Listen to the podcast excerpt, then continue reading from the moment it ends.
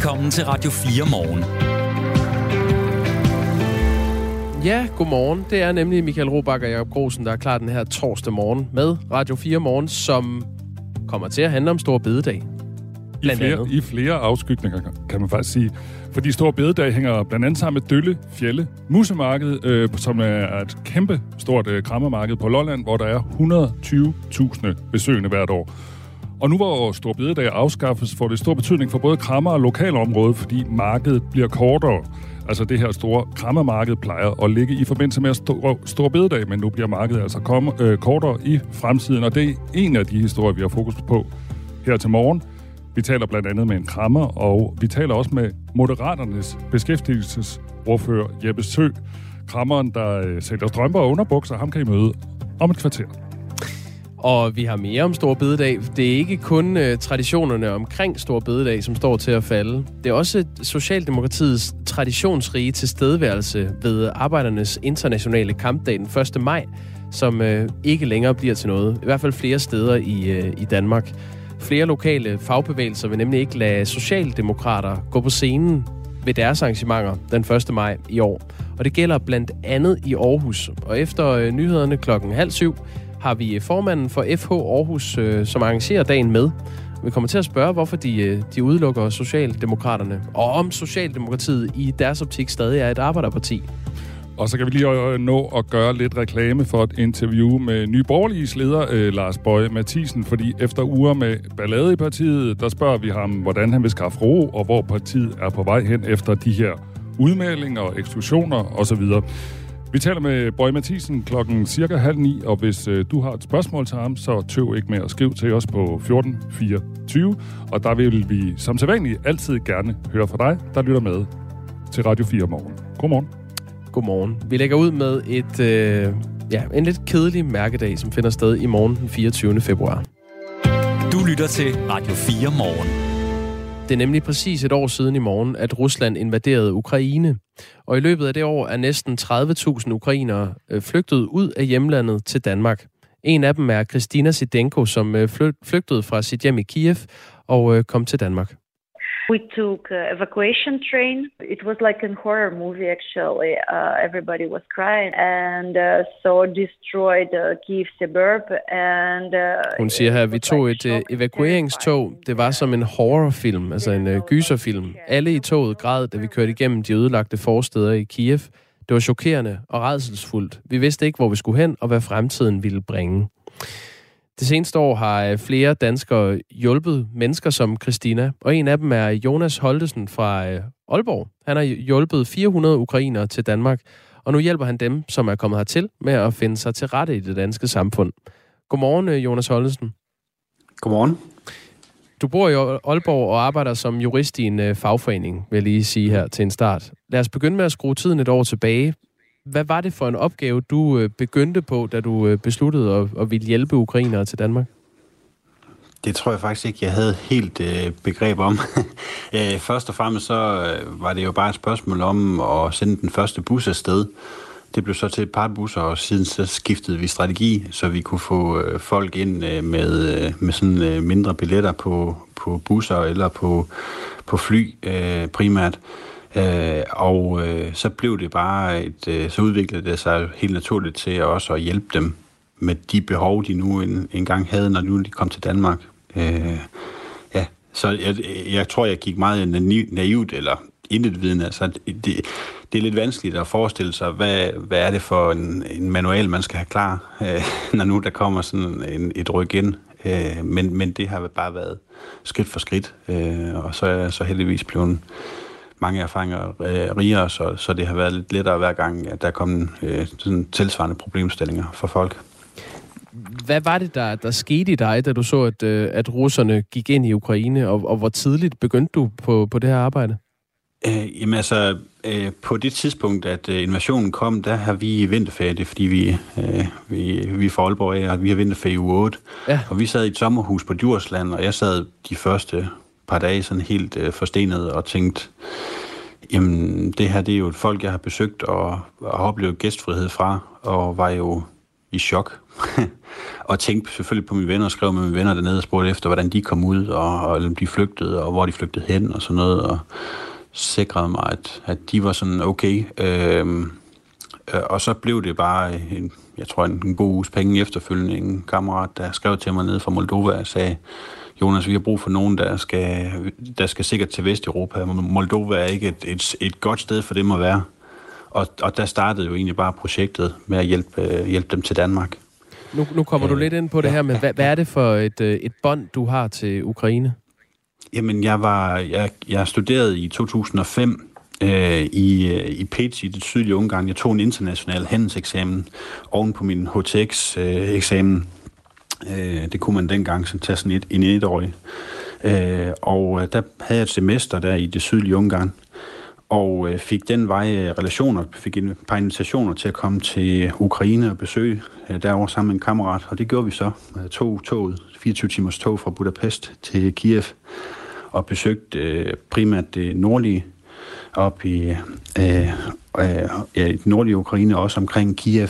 Øh, og, øh, og det har jo egentlig bare været, øh, øh, så på den måde, så er det jo egentlig bare nogle øh, mine venner, hvis man kan sige det på den måde, som at altså, øh, selvom der jo der på det tidspunkt, hvor krigen brød ud, var gået næsten 17 år, så er det jo stadigvæk øh, øh, gode oplevelser og folk, der har betydet noget for mig. Så, øh, og, og det gik jo så ud over det folk, øh, så det aktiverede jo bare en, og tænkte, øh, det, det skal være løgn. Det, det er folk, som jeg har oplevet en kæmpe gæstfrihed fra. De skal ikke, øh, de skal ikke øh, sendes på flugt og ikke vide, hvor de skal hen. Øh, at der er nogen, der kan tage sig, tage sig af dem. Og så tænkte jeg bare, at jeg kunne bidrage med det, jeg kunne. Du har jo hjulpet i omegnen af 400 ukrainer til Danmark. Tror du, du havde kastet dig sådan ind i, i det her hjælpearbejde, hvis du, hvis du ikke havde haft den relation til Ukraine, som du havde?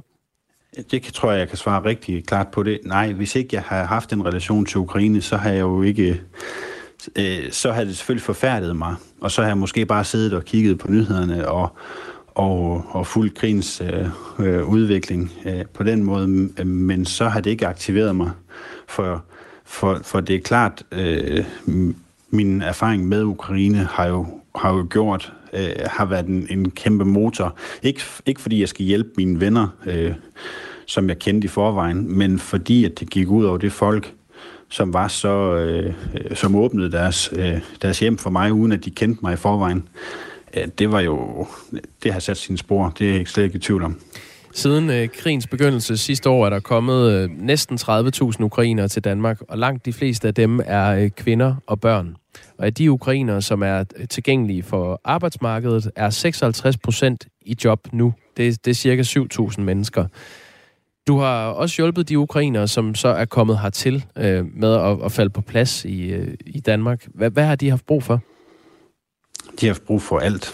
altså, det har været nogen, der er kommet med en, en, praktisk talt ingen bagage. Nogen er kommet såret ind, øh, helt bogstaveligt. Øh, på, I hvert fald på kroppen. Alle er kommet med, men stort set med noget på psyken øh, i en eller anden grad. Øh, Øh, folk kommer også med deres drømme jo og ønsker, det er sådan meget øh, centralt for ukrainere, de ønsker faktisk ikke at modtage øh, sociale ydelser. Nogen, øh, altså, de, de omtaler meget ofte, at de, de synes, det er nedværdigende. Øh, de, de vil gerne bidrage med det, de kan. Øh, om så de i kranfører har været det på i Mariupol, eller øh, de har været mekanikere eller øh, og så videre. Og man skal, jeg tror også lige, man skal mm, øh, i hvert fald lige korrigere lidt billedet, øh, som offentligt, øh, offentligt har, at det kun er kvinder og børn. Det er rigtigt, at der er en overrepræsentation. Men så snart, at for eksempel man har tre børn, øh, så rejser man altså lovligt ud øh, sammen med sin kone og sine børn. Og så er der en ret stor gruppe, der jo også er blevet tvangsdeporteret til Rusland altså simpelthen kørt på busser af, af russiske styrker, styrker, og så er de bare endt op i Rusland. Nogle har sågar også været igennem filtreringslejre, hvor de er blevet undersøgt for krop på tog, og se om de har militær baggrund osv. Så, så der er jo den million, der er råd til Rusland, øh, har vi også hjulpet en, en meget lille del af, ikke også? Øh, og de kommer jo også til, øh, de kommer jo også til, til Danmark, og, og så der er relativt øh, i hvert fald mange mænd, mange, meget, i hvert fald mange flere, end man tror. Det må, det må du lige øh, forklare, øh, altså, at, ja. at mænd, som er blevet deporteret til, til Rusland fra Ukraine, har I hjulpet til Danmark. Hvordan øh, hænger det sammen? Jamen, øh, det har jeg heller ikke lige forestillet mig på den måde, men, men det startede med, at vi fik en gruppe fra Mariupol af. Øh, det var nogle kvinder og børn, som, og det var de første faktisk. Vi, øh, vi tog chancen, selvom de havde ikke havde international pas, så tog vi chancen og bookede øh, og fik dem øh, med, øh, med tog øh, til, øh, til via Lviv og så til, øh, til Krakow i Polen, og så tog vi simpelthen chancen og bestilte flybilletter, billige øh, Ryanair-billetter øh, direkte til Billund, selvom de ikke har international pas. Og det lykkedes faktisk øh, til vores store overraskelse, øh, fordi de var så traumatiseret, så tænkte vi, den, den, vi tager chancen og, og, og tager det tab, hvis ikke det kunne lade sig gøre. Øh, og så fik vi en gruppe derfra, og så betød det egentlig, at, at de også øh, spredte det lidt ud til nogle af dem, de kendte. Øh, øh og mange af dem, de var så endt op i Rusland. Øh, simpelthen, øh, altså, har bogstaveligt talt siddet på Azovstal stålværket og blev indtaget der øh, og måtte overgive sig. De øh, er jo så endt op i Rusland. Øh, og så har vi øh, koordineret øh, via, øh, via lokale og frivillige øh, turen op gennem Rusland til de baltiske lande primært og så øh, typisk ind med fly øh, til, øh, til for eksempel Bilund. Mm. Ja. Du har fået en, en sms fra vores lytter Jesper, som skriver, at der må have været en del omkostninger i forbindelse med at få ukrainerne til Danmark. Hvordan er det blevet dækket ind, spørger han? Ja, altså jeg startede et projekt, øh, hvor vi ligesom sagde, en lille gruppe, der sagde, vi, øh, vi gør det her, er der nogen, der har lyst til at være med, så fik vi indsamlingstilladelse øh, fra Civilstyrelsen til at gøre det. Og, øh, og så samlede vi ind øh, til en konto, som en erhvervskonto, hvor et, et, øh, et, øh, faktisk et hotel øh, tilbød sig og sagde, at de ville gerne oprette den her konto og sørge for alt administrationen i forhold til økonomi, så det skulle vi ikke tænke på. Og øh, på den måde så kom der øh, penge ind i kassen, og det er selvfølgelig øh, en del af de midler, vi, eller vi har brugt de midler på at hjælpe, hjælpe ukrainere til Danmark. Øh, og øh, så har der også været private donorer, øh, som øh, måske også direkte har afholdt øh, nogle af de her rejseomkostninger, øh, der har været. Øh, sågar fik vi også spurgt et flyselskab, øh, Dat Airlines, hvor vi fik et øh, sådan mellemdistancefly øh, på et tidspunkt i august, hvor alle de her øh, større løsninger med busser og sådan noget øh, ikke længere øh, var en mulighed for, for mange af ukrainerne. Mm øh, så, så fik vi fyldt det op, og, og, og fra Krakow i Polen så til København. Øh, så, så de primært øh, på det tidspunkt, mange af dem kom til øh, Center Sandholm. Jonas, jeg sidder på den anden øh, side af bordet og øh, lytter spændt med. Jeg kom til at tænke på, på noget, øh, dengang der var krig i Syrien, eller da der kom en masse af flygtninge fra Syrien, øh, der var der også nogle danskere, der hjalp de flygtninge, og det gav en masse ballade, og folk, der hjalp dem med at komme over grænsen, øh, blev kaldt landsforrædere og alt muligt andet. Jeg kan ikke lade være med at tænke på, hvilke reaktioner du får du på, øh, at øh, du har hjulpet de her ukrainer, fordi sådan udlændinge ting og sager i Danmark, det er jo næsten altid kontroversielt. Altså, jeg, jeg oplever primært øh, positive øh, reaktioner. Jeg tror, øh, Altså, jeg tror også, øh, jeg ved ikke, om man kan sige, altså, det er jo vores nabos, nabofolk. Øh, det er tættere på øh, vores bevidsthed. Altså, det er i Europa. Øh, så på en eller anden måde, så tror jeg, at, at altså, det er klart, at naboerne, de tager rigtig meget fra i Polen, og, og, og de, de nærmeste lande, de gør en kæmpe indsats. Jeg tror godt, folk de fornemmer, at, at, at det her, det, det skal vi bidrage øh, med øh, på den måde. Men det er rigtigt, der er jo der er nogen, der sådan siger, jeg gjorde ikke også det samme? Øh, hvorfor stod I ikke klar dengang til Syrien? Øh, og, og der skal jeg også sige, altså jeg har faktisk også været engageret i, i Syrien-problematikken, øh, øh, øh, og ikke sådan stået ved grænsen, men, men har været, øh, hvad skal sige, øh, engageret i, øh, hvad, hvad er det så for et, et, et tilbud, der, der kan være hos dem? Altså kan man på en eller anden måde give dem noget? Øh, men ja, men jeg har ikke oplevet, at at der har været nogen, der synes, at, at øh, det, det, det bør man ikke gøre, eller sådan noget. Mm. Der er jo altid nogen, øh, en lille procent, øh, der kan sige, kom med negative kommentarer, eller synes, det er for meget, eller sådan noget, og fred med det. Altså, det er jo ikke... Det, det, det, det skal man ikke vælte over. Nej. Jonas Hollensen, vi skal lige høre, undskyld, kort fra Christina Sidenko igen, som vi hørte fra for lidt siden. Hun, hun flygtede altså til Danmark med en forventning om at vende hurtigt tilbage til Ukraine, men øh, den beslutning har ændret sig, efter hun har boet i Danmark. We started a completely new life here in Denmark, and also uh, I, I have a job now. so I work uh, with Ukrainians in integration courses. Well, we would like to stay here. Hun vil altså gerne øh, blive her. De har, hun har fået job, og øh, de hjælper også andre ukrainere. Hun har startet et nyt liv, men hun fortæller også, at det handler faktisk ikke så meget om hendes behov, men mere om hendes søns. Uh, when I decided to leave my country, uh, I do it for my son first of all, not for me, because uh, I'm an adult person and I'm not scared. But uh, yeah, other maybe some of my relatives, classmates, or neighbors, they have uh, issues about it. What can I do with it? Hun siger, da jeg forlod landet, gjorde jeg det for min søn og ikke for min egen skyld. Jeg er voksen, og jeg er ikke bange for, hvad folk siger. Det kan være, at mine kollegaer eller naboer har et problem med det, men det kan jeg ikke øh, gøre noget ved.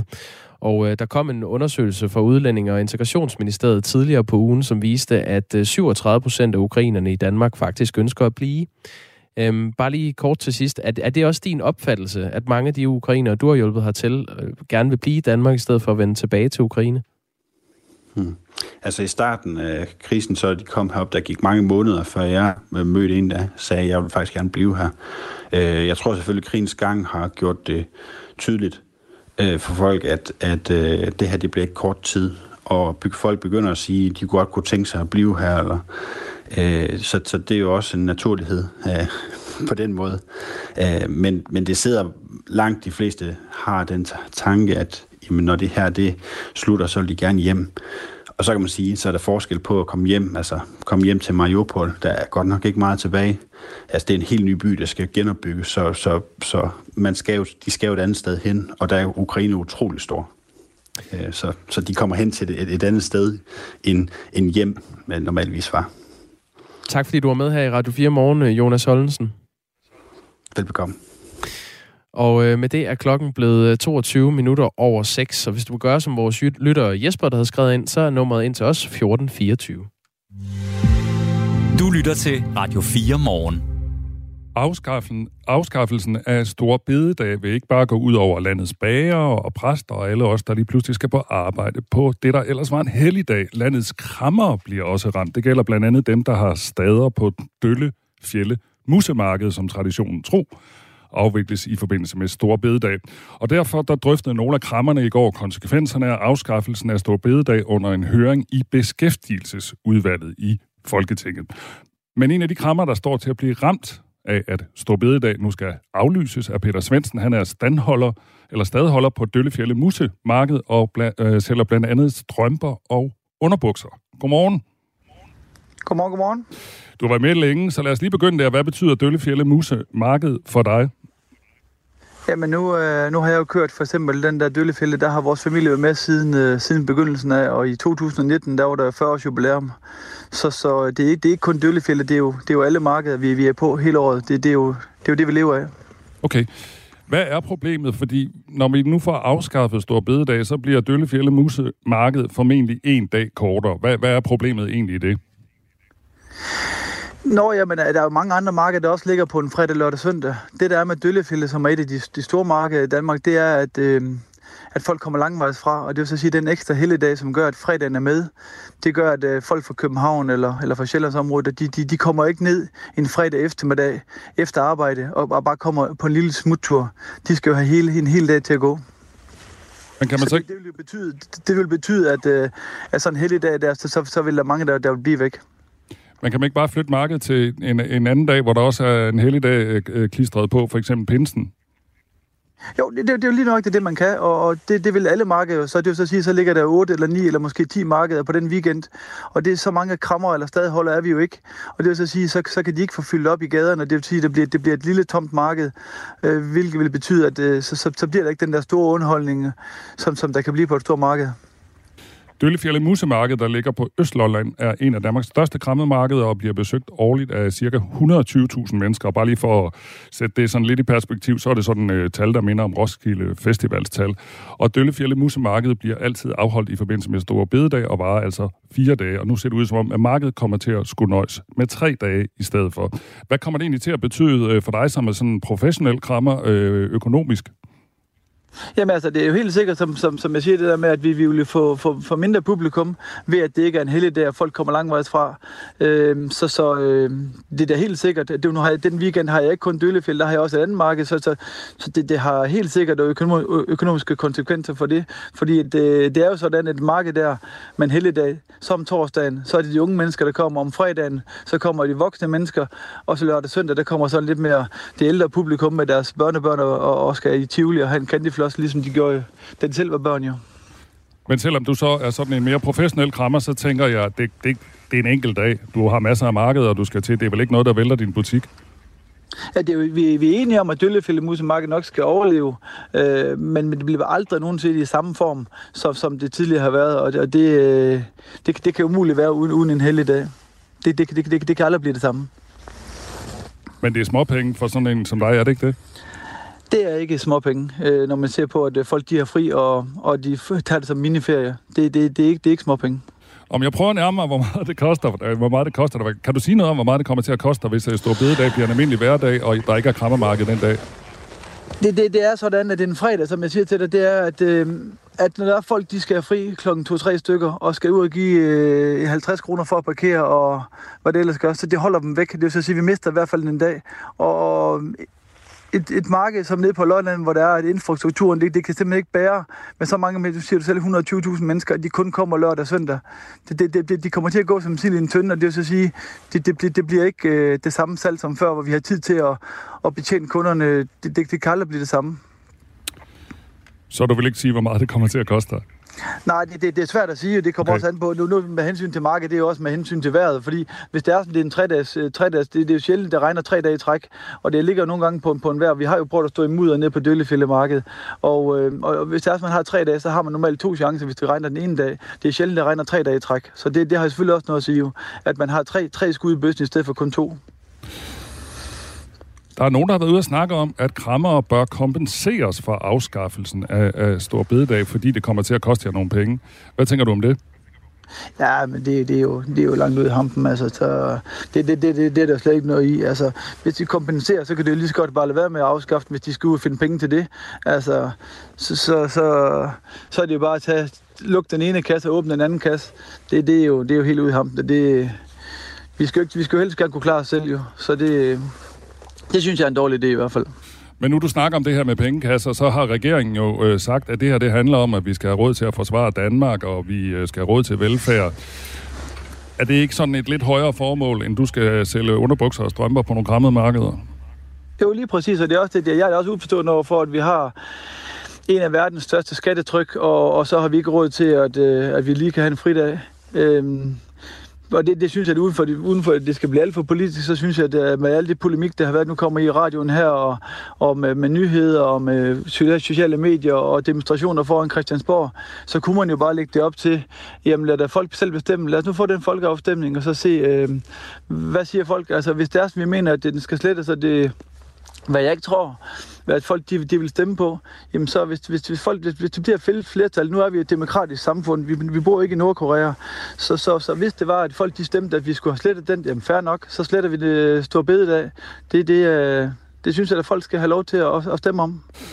Og på den måde så kom der endnu en opfordring til en folkeafstemning øh, om Stor Bededag, og den kom altså fra Peter Svendsen, som er krammer og standholder blandt andet på Døllefjælde Musemarked. Tak fordi du var med her. Tak. Senere på morgenen, der skal vi tale med formanden for Døllefjælde Musemarked, som altså deltog i tirsdagens høring på Christiansborg, og du kan også høre Jeppe Sø, som er beskæftigelsesordfører for Moderaterne, øh, tale om den her sag, og det er cirka klokken kvart i 8. Og der er breaking news, mens vi øh, sender her til morgen. Øhm, Thomas Billevinkel, som er øh, spindoktor, også kendt som særlig rådgiver for Indrigs- og Sundhedsminister Sofie Løde fra Venstre, skriver på øh, Twitter for få minutter siden, at regeringen og regionerne har forhandlet en ny akutaftale på plads. Og det er altså en, øh, en akut øh, plan for øh, sundhedsvæsenet. Øhm, TV2 erfarede det allerede i aftes, at øh, der var noget på vej. Og der kommer et øh, doorstep, det er jo et andet ord for sådan et intermistisk øh, pressemøde, i Indrigs- og Sundhedsministeriet i dag klokken kvart over ni øh, her til morgen, hvor øh, Sofie Løde og Stefanie Lose og Anders Kynov blandt andet måske er med, øh, skriver han på Twitter. Øh, det er en, øh, en plan, som vi selvfølgelig også kommer til at gå efter og øh, belyse her til morgen i, i Radio 4 morgen. Så øh, vi ved allerede nu, at vi har Jakob Kjeldberg, som er forsker fra det Nationale Forsknings- og Analysecenter for Velfærd, med her i programmet. Det bliver øh, kvart over syv. Og klokken nærmer sig halv syv, og når vi er tilbage til, skal det blandt andet handle om, at Socialdemokratiet ikke er inviteret med til flere 1. maj arrangementer. Nu er der nyheder på Radio 4. 26 ugers ekstra barsel til fri fordeling mellem forældrene. Hvem kunne ikke have brug for det? Jo, det har ikke mindst de forældre, som er blevet forældre til flere børn på én gang, og som derfor har ekstra meget at se til. Sådan lød det i marts sidste år i et borgerforslag, som på mindre end tre måneder rundede 50.000 støtter, så det kan blive behandlet i Folketinget. Derfor skal Folketinget i dag første behandle beslutningsforslaget. Forslag til Folketingsbeslutning om 26 ugers udvidet barsel til tvillinge- og flerlingefamilier. Det her det er noget, som vil være med til at skabe markant bedre vilkår på nogle familier, der står med øh, to små vidunderlige nye skabninger, men også en meget stor opgave øh, foran sig. Siger politisk ordfører for konservative Mette Abelgaard. Alt øh, forskning øh, tyder jo på, at øh, de her øh, forældre øh, ofte står med komplikationer bagefter. Der er en højere forekomst af skilsmisser, af øh, efterfødselsreaktioner osv. Så øh, vi synes, det er en rigtig god investering i, i familierne, det her. DR har tidligere beskrevet, at partier som Enhedslisten, SF, Alternativet og Dansk Folkeparti også bakker op om beslutningsforslaget om at give udvidet barsel. Der er imidlertid ikke udsigt til, at der kan samles et politisk flertal for forslaget. Det er ikke lykkedes for Ritzau at få en kommentar fra regeringen, men Venstres beskæftigelsesordfører Christoffer Ågaard Melson sagde tidligere i februar til DR, vi støtter ikke forslaget. Regeringen har stor sympati for borgerforslaget og de udfordringer, der følger med, når man får flere børn ved en fødsel. Der er dog ikke fundet finansiering til forslaget, og tvillingefamilier står generelt også i en mindre vanskelig situation end trillingefamilier, som et bredt flertal sidste år sikrede bedre muligheder. I 2020 døde en kvinde på grund af noget, som relaterede sig til graviditet eller fødsel hvert andet minut. Det viser en omfattende rapport, som ser på udviklingen i dødsfald i forbindelse med graviditet eller fødsel mellem år 2000 og 2020. Rapporten er lavet af Verdens Sundhedsorganisationen, også kendt som WHO. WHO's generalsekretær Tedros Ghebreyesus siger i en pressemeddelelse i forbindelse med rapporten, at graviditet burde være en periode med stærkt håb og en positiv oplevelse for alle kvinder. I alt var der 287.000 dødsfald blandt gravide eller fødende kvinder i 2020. Det var et lille fald fra de 309.000 i 2016, hvor FN introducerede verdensmålene. I to af de regioner, FN har inddelt verden i, i Europa, Nordamerika og Latinamerika og Karibien er det sågar gået den gale vej med tallet siden 2016. I Europa, Nordamerika er antallet af kvinder, som dør i forbindelse med graviditet eller fødsel, steget med 17 procent, skriver WHO. I Latinamerika og Karibien er det steget med 15 procent. I regionen Central- og Sydasien er der dog sket markante fremskridt. Her er tallet faldet med 35 procent, og i Australien-New Zealand-regionen er den faldet med 16 procent. Langt størstedelen af dødsfaldene sker i Afrika syd for Sahara. Gaza, som ligger ved Middelhavet og er en af verdens mest befolkede områder, blev natten til i dag ramt af flere luftangreb fra israelske soldater. Det oplyser Israels militær ifølge nyhedsbruget Reuters. Ifølge Israel var der blevet sendt flere raketter mod Israel fra Gaza. Fem af raketterne blev skudt ned af det israelske missilskjold Jernkublen, som er et af verdens mest avancerede af sin slags. En raket blev ikke skudt ned, men slog ned med et, et slog ned et ubefolket sted. Det meste af Gaza har været kontrolleret af Hamas, en militant palæstinensisk bevægelse siden 2007. Den islamistiske bevægelse Islamisk Jihad er også aktiv i området. Først skyde stedvis med regn er til, men i løbet af dagen nogen opklaring til stedvis lidt eller nogen sol og mest tørt vejr. Temperaturer i dag mellem 3 og 7 grader. Du lytter til Radio 4 morgen. Husk, du kan skrive en sms til os på 1424. Står det til SF, så skal det være muligt at dømme krigsforbrydere i Danmark efter en særlig lovgivning, fordi som det er lige nu, så er Danmark øh, et af blot to europæiske lande, der endnu ikke har en særskilt lovgivning. Og det er pinligt, mener Karina Lorentzen, der er retsordfører i SF. Og alt det her, det er jo selvfølgelig aktualiseret af krigen i Ukraine. Altså, hvad nu hvis der kommer en krigsforbryder til Danmark? Hvordan skal vi så behandle det ved domstolene? Det synes øh, Karina Lorentzen, altså vi skal lave om på. Og vi taler med øh, SF'eren, øh, når klokken bliver cirka kvart i syv. Her i studiet er det Michael Robach og Jakob Grosen, der byder dig velkommen, hvis du lige er sted på. Og også godmorgen til dig, der har lyttet med fra klokken 6. Du lytter til Radio 4 morgen. Fire lokale afdelinger under fagbevægelsens hovedorganisation har besluttet at boykotte socialdemokratiske taler til deres arrangementer på Arbejdernes Kampdag den 1. maj i år. Årsagen er Stor Bededag og afskaffelsen deraf.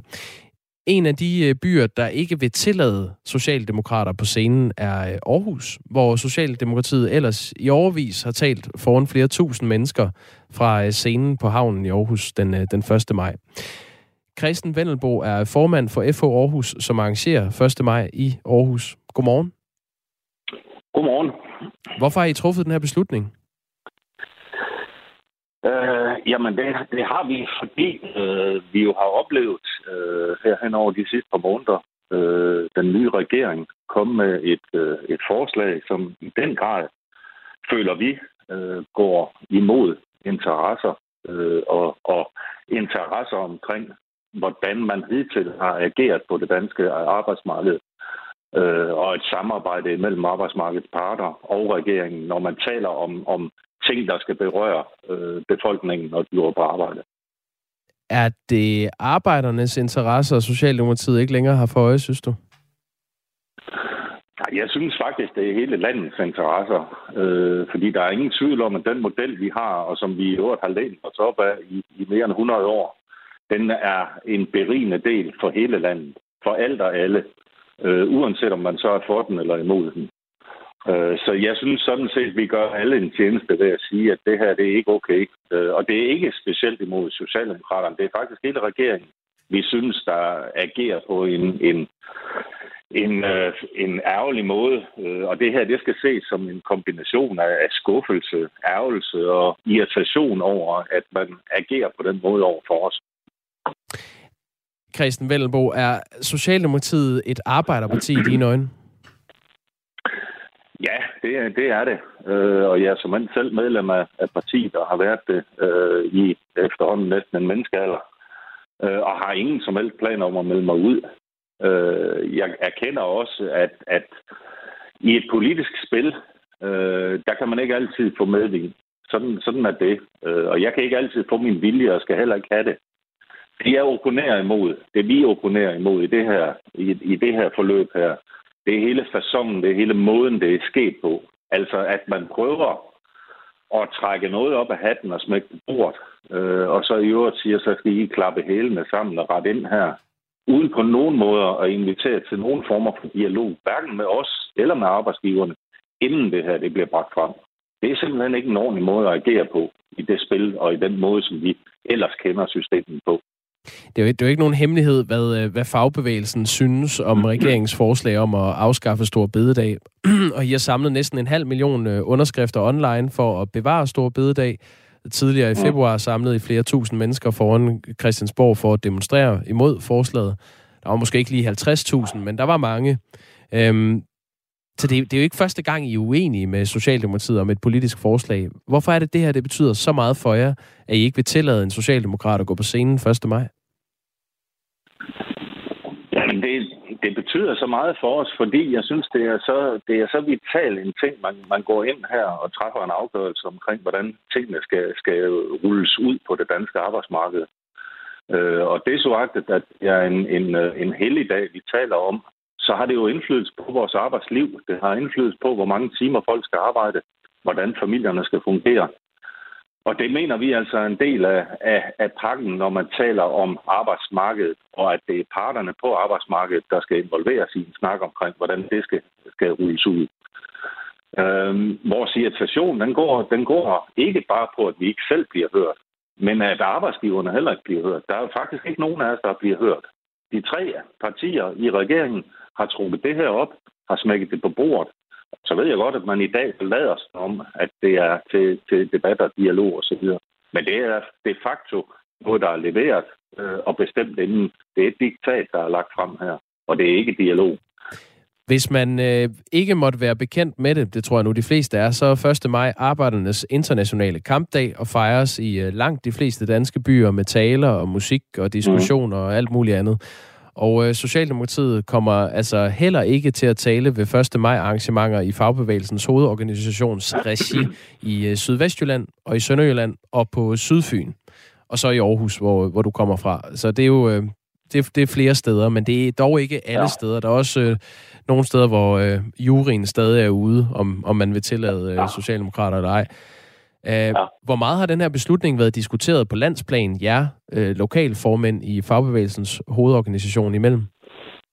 Jamen, den har, den har, da, den har da været vendt, øh, og der er forskellige modeller for det her. Det skal, jeg skylder også at sige, at det er ikke, det er ikke samtlige vores medlemsorganisationer, der er enige i den her øh, beslutning her. Der er nogen, der mener, at vi skal lade det køre videre, som vi plejer, og der er andre, der mener, at de slet ikke skal gå. Nu har vi så valgt en model, hvor vi siger, at, at øh, Socialdemokraterne i, i Aarhus øh, er ikke velkommen. De er velkommen til 1. maj at deltage til os, eller sammen med os, øh, nøjagtigt ligesom de plejer men vi ønsker dem ikke på talerstolen. Derimod vender vi blikket imod de unge mennesker. Vi vender blikket imod DSU, altså Socialdemokraternes Ungdom. De glemrede ved at, at, øh, at deltage den 5. Øh, februar over på, på Christiansborg. Øh, og de var med i bussen derover sammen med os her fra Aarhus. Og det har gjort, at vi så siger godt, jamen, jamen der er nogen, vi er enige med der. Og så kunne vi egentlig godt tænke os at, at, at prøve at, og, og, og tage dem med i stedet for, og så sige, så, så prøver vi at høre, hvad de vil, vil øh, præsentere os for på en, en tale 1. maj, og vi giver dem plads. Alright. Og det synes vi er den rigtige måde at gøre det på. Vi skal lige høre et klip fra 1. maj i Aarhus fra 2013, hvor den daværende socialdemokratiske statsminister Helle thorning Schmidt var på besøg. Og det her besøg kom efter den daværende regering havde blandet sig øh, og afsluttet skolelærernes lockout. Og så lød det sådan her.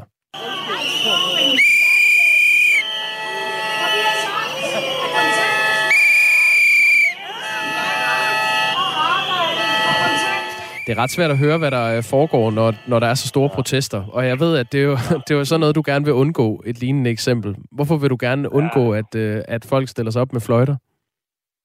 Fordi jeg synes, det, det var en pinagtig øh, forestilling, vi, vi, vi øh, lagde an med dengang. Øh, og jeg, jeg, jeg krummer tæer i dag, når jeg hører det.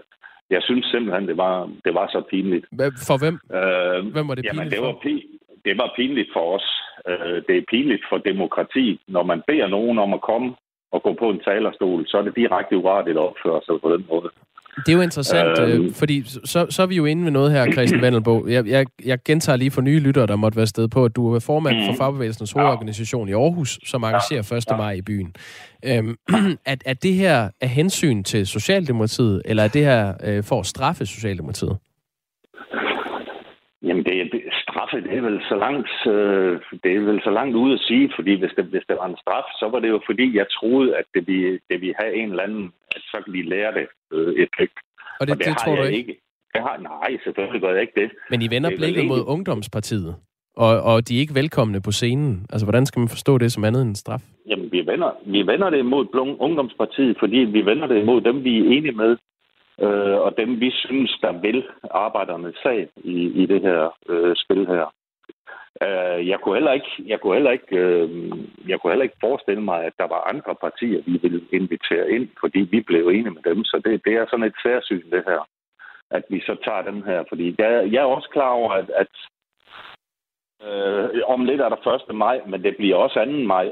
Øh, og når vi når til 2. maj, så er vi nødt til at skal sætte det sammen og tale igen. Øh, vi skal jo også videre, og det er jo heller ikke sådan, at vi har nedlagt alt, hvad der hedder samarbejde med partiet i hele landet. Altså, jeg har stadigvæk en gang over på Rådhuset, jeg har det nede på Jægergården, jeg har det i forskellige udvalg i, i byen her, og arbejder tæt sammen med, med Socialdemokratiet, og det gør jeg øh, i dag, det gør jeg i morgen, det gjorde jeg i går, og det fortsætter jeg selvfølgelig med. Mm, øh, men, men er det simpelthen for at tage hensyn til, hvis I nu fik Mette Frederiksen over, eller øh, øh, jeg ved ikke, Peter Hummelgaard, justitsministeren, mm, eller en eller anden ja. fra partitoppen, så er I bange for, at, at der vil opstå for store, øh, stor tumult og protester nede foran? Er det, er det det, I tænker på? Jeg tror ikke, vi er bange for det øh, som sådan, men, men jeg synes der ikke, der er nogen grund til at invitere til alarm, hvis man kan undgå det. Så øh, det er mere det, end det, end det reelt er for at, at, at straffe Socialdemokratiet? Nej, det er det ikke, men jeg bruger ikke udtrykket af straf. Øh, jeg, har bare, jeg har bare ikke lyst til det ene øjeblik, vi har ikke lyst til det ene øjeblik, at stå og, og, og skal fortælle jer, regeringen, at der er noget, vi er stærkt utilfredse med her. Vi føler os dårligt behandlet af jer. Og det næste øjeblik, så skal vi stå og klappe af her på scenen. Det synes vi, der er noget disharmoni i. Mm. Øh, og det, det vil vi egentlig godt have lov at, at, at udtrykke på den her måde her. Altså, vores lytter Daniel har skrevet ind, mens vi taler med dig, Christian Vendelbo. Han skriver, ja. det lyder som om det for at beskytte Socialdemokratiet imod protester fra befolkningen. Lad nu folk få den retfærdighed, de fortjener.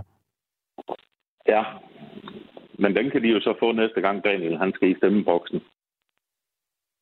Okay, så det, det er et hensyn det, til Socialdemokratiet, at de udelukker dem fra at tale? Nej, det er det ikke. Øh, det er det ikke. Det er, det er en konsekvens af, at vi ikke ønsker at, at, at have dem på talerstolen. Vi ønsker at høre de unge mennesker i stedet for. Det er suerne. Men det, det lyder da som en straf og så, og af landspolitikerne. For, det, det forstår jeg simpelthen ikke. Og så bare for god ordens skyld. De unge mennesker, det er jo altså også socialdemokrater. Det er også øh, partiet. Ja. Men, men det er ikke en straf af, af øh, Folketingets øh, socialdemokrati? Jamen, jeg synes, det er en underlig retorik øh, at, at kalde det for en straf. Altså, det er et spørgsmål om, de ikke ønsker at høre dem. Øhm, men ikke at ønske det, at, at høre dem, det må vel være, fordi I er utilfredse med, at de vil afskaffe store bededag, og så vil I så straffe dem? Ja, det tænker jeg er gået op for de fleste mennesker, at de er utilfredse med. Øh, og, og så kan du godt kalde det straf. Det, jeg, jeg synes bare, det er et underligt ord at bruge i den sammenhæng. Hvilket ord vil du bruge? Yes.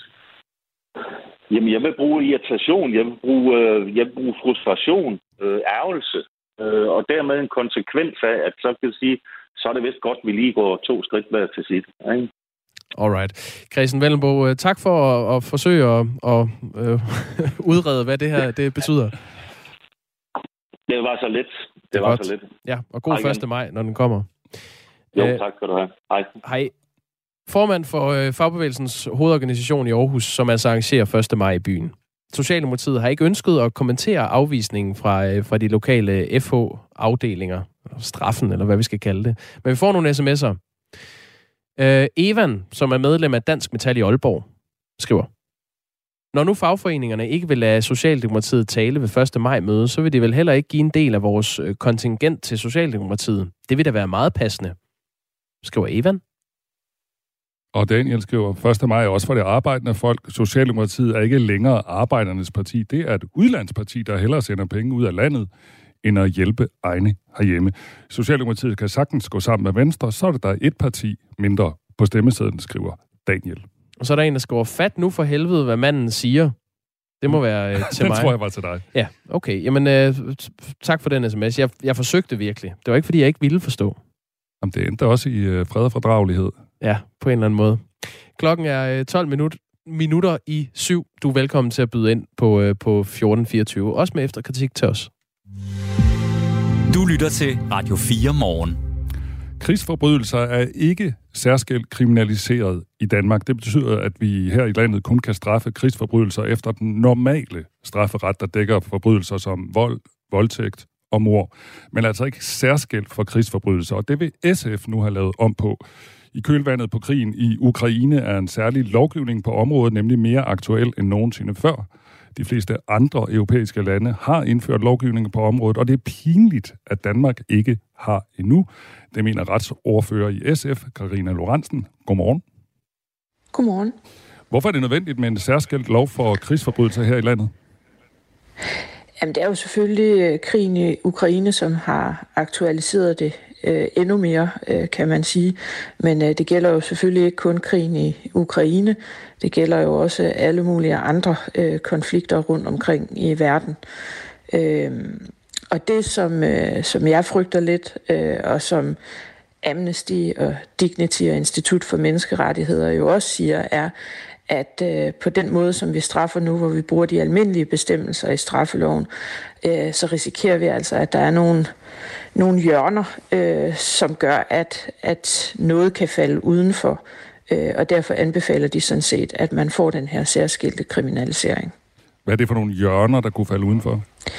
Jamen for eksempel siger de, at det er uklart, øh, hvordan øh, angreb, som ikke skældner mellem civile og kombatanter, øh, er dækket. Øh, og også hvis man bruger øh, våben, eksplosive våben, som har en stor områdeeffekt, og bruger dem i tæt befolkede områder.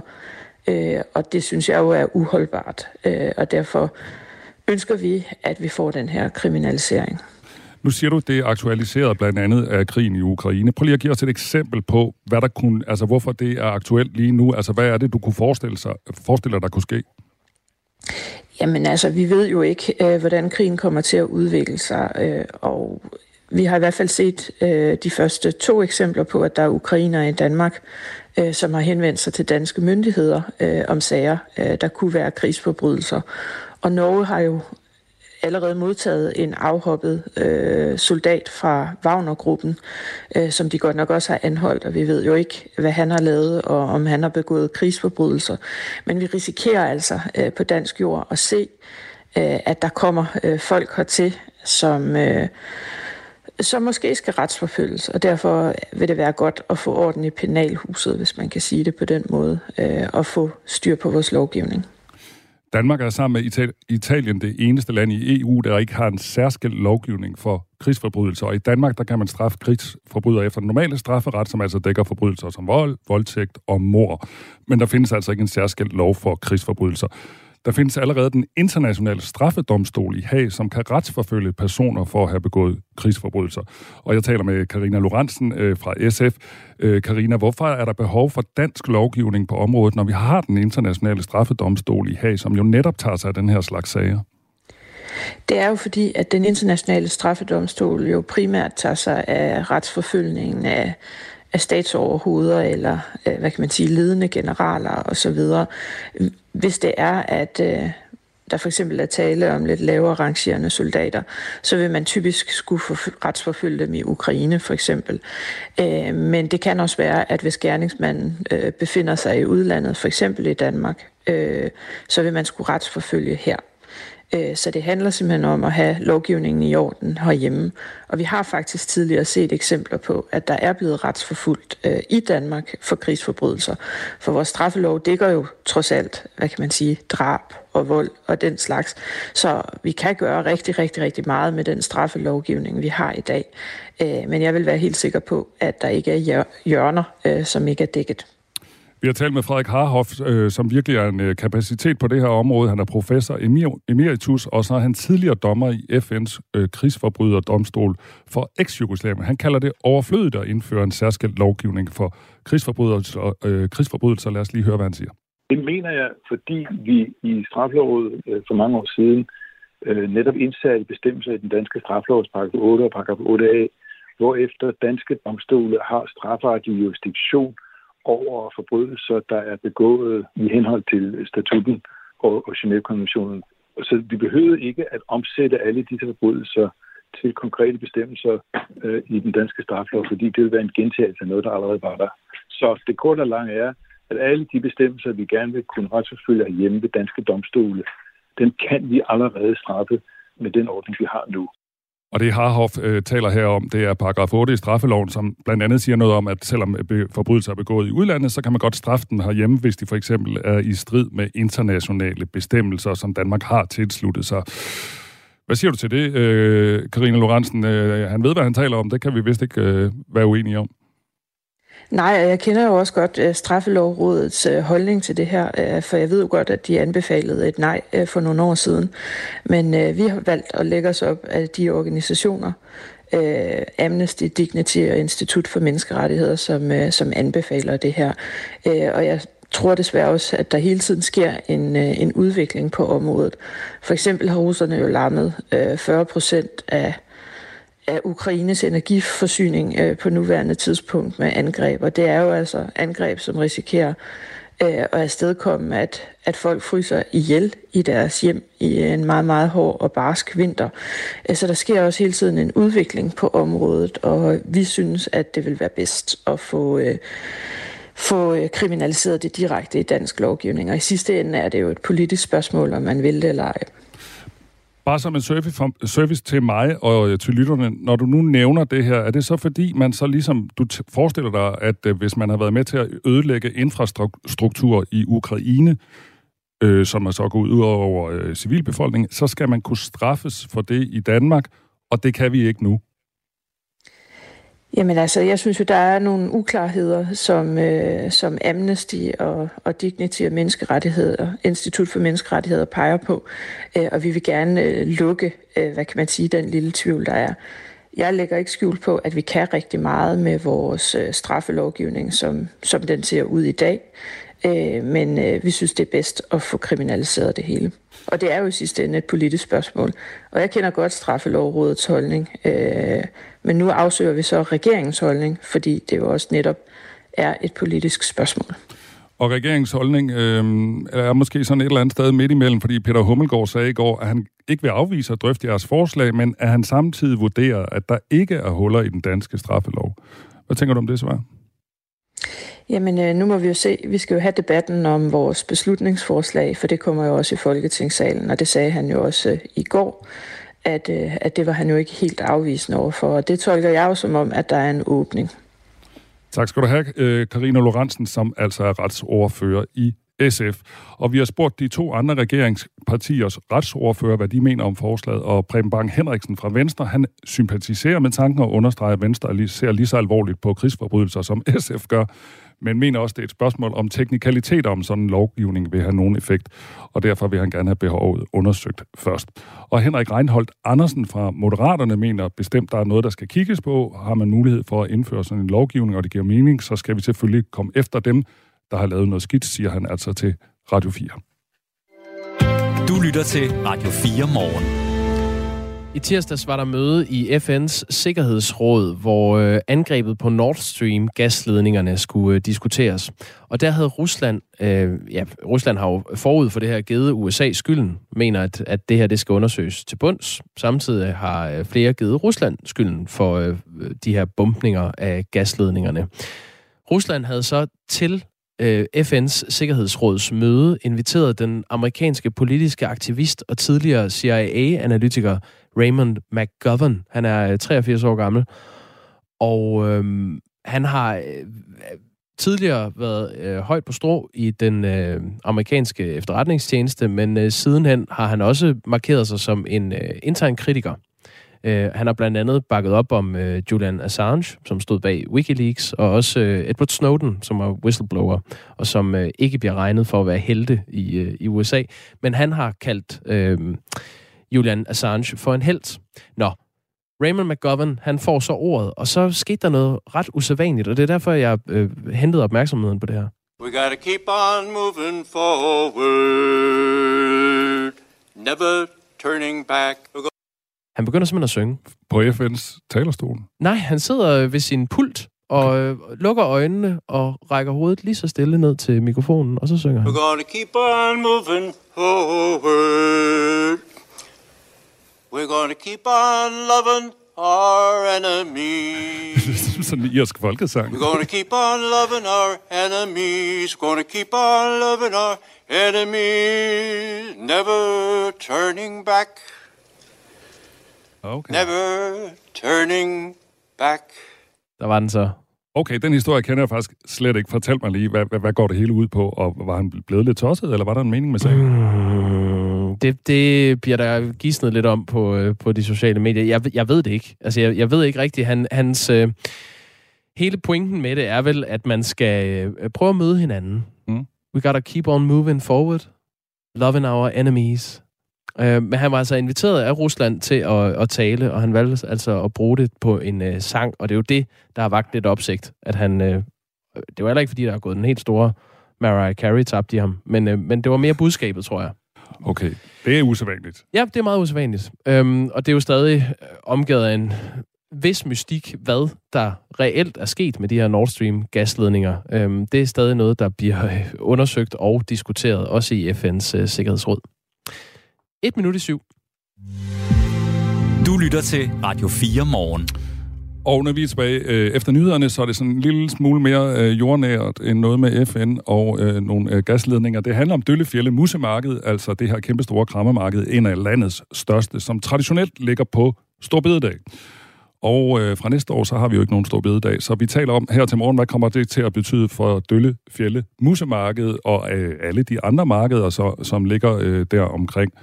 Øh, og når vi er tilbage, så skal vi tale med Per Hansen. Han er formand og næstformand i sammenslutningen af by- og markedsfester i Danmark. Og han var i går inde på Christiansborg for at tale sin sag, for de mener, at øh, det kommer til at blandt andet at koste en rigtig øh, en masse penge, at de her krammermarkeder bliver aflyst, og så går der også kuk i hele krammerkalenderen. Så øh, ham skal vi tale med efter nyhederne. Ja, og vi har også senere på morgen Moderaternes beskæftigelsesordfører Jeppe Sø med om øh, ønsket. Nu er klokken syv.